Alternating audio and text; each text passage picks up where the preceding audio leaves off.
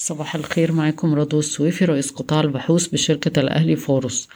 ارتفع مؤشر مديري المشتريات في مصر ارتفاع طفيف جدا إلى 48 واحد من عشرة في فبراير مقارنة بسبعة وأربعين وتسعة من عشرة في يناير مما يعكس تباطؤ في معدل تضخم أسعار مدخلات الإنتاج ولكن انكماش طفيف في حجم الأعمال وتراجع قوي في النشاط وانخفاض في الثقة بشكل عام.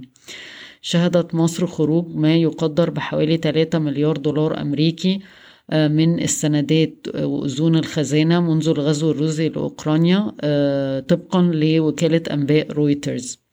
انتعشت الأسواق الأمريكية بعد تعليق الرئيس الاحتياطي الفيدرالي إن رفع أسعار الفايدة هيكون بحذر شديد. قفزت أسواق السلع العالمية إلى أعلى مستوى لها في عدة سنوات. خام برنت وصل 118 دولار للبرميل. من المتوقع أن تحقق قناة السويس إيرادات إضافية بقيمة 700 مليون دولار أمريكي بسبب الزيادة الأخيرة في رسوم العبور بحيث تتخطى إجمالي الإيرادات 7 مليار دولار في عام 2022 الديتا طلعت نتائج أعمال قوية جدا وأعلى من التوقعات صافي الربح عند 473 مليون جنيه مصري بارتفاع 56% على أساس سنوي نتيجة لارتفاع الإيرادات في المية على أساس سنوي من عشرة مليار جنيه. ديتا بتخطط لاستمرار زيادة الأسعار بطريقة غير مباشرة لمواجهة الارتفاع في أسعار المواد الخام. السهم بيتم تداوله عند مضاعف ربحية 11 وأربعة من عشرة مرة لعام عشرين واحد وعشرين. عز ستيل رفعت أسعار الحديد التسليح بمقدار 500 جنيه للطن ليصل إلى 15500 جنيه شامل ضريبة القيمة المضافة. ده بسبب التصاعد الروسي التصاعد الصراع الروسي الأوكراني واتكلمنا امبارح على إن المنتجين قالوا إن هم خايفين من هيجيبوا مدخلات الإنتاج منين وارتفاع أسعارها وبالتالي بدأوا يرفعوا أسعارهم.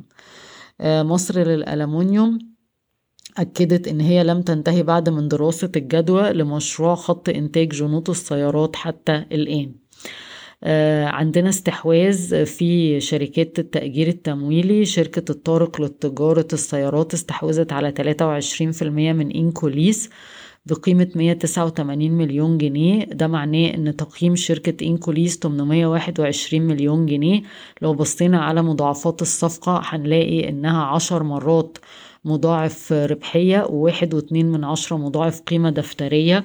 بفكركم إن شركة التوفيق للتأجير التمويلي بيتم تداولها عند أربع مرات مضاعف ربحية لنفس السنة المقارنة بإنكوليس يعني أربعة مقارنة بالصفقة اللي تمت على عشرة. ولكن مضاعف قيمة دفترية بالنسبة للتوفيق حوالي واحد ونص مرة مقارنة بالصفقة عند واحد واتنين من عشرة. برضو نفس الكلام بالنسبة لسهم سي آي كابيتال اللي هو أصلا معظمه تأجير تمويلي بيتم تداوله عند ست مرات مضاعف ربحية ومضاعف قيمة دفترية واحد وواحد من عشرة مرة وده برضو أقل من الصفقة اللي تمت. نتائج أعمال موبكو المستقلة اللي هي يعني مش مش بتفرق معانا قوي حققوا ربح واحد ونص مليار جنيه بارتفاع سبعة وتلاتين في المية على أساس سنوي بفكركم إن إحنا متوقعين صافي ربح لواحد وعشرين قدره أربعة وتمانية من عشرة مليار جنيه. بالنسبة لنتائج الأعمال المجمعة وإن السهم بيتم تداوله عند مضاعف ربحية ست مرات لعام عشرين اتنين وعشرين. شركة عامر طلعت نتائج أعمال ضعيفة للربع الرابع فيها خسارة سبعة وتمانين مليون جنيه مصري بس سنة واحد وعشرين إجمالا حققت أرباح تمانية ونص مليون جنيه تقريبا. مقارنة بخسائر السنة اللي فاتت. دايس زودت حصتها في شركة تكستايل رانت بلس لتصل في المية من, سب من ستة وسبعين في المية بصفقة قيمتها اتنين مليون جنيه حاجة صغيرة جدا. آخر خبر معانا النهاردة وزارة الاتصالات أشارت أنه من المتوقع الانتهاء من دراسات تنفيذ ال 5G في غضون شهرين. بشكركم ويوم سعيد.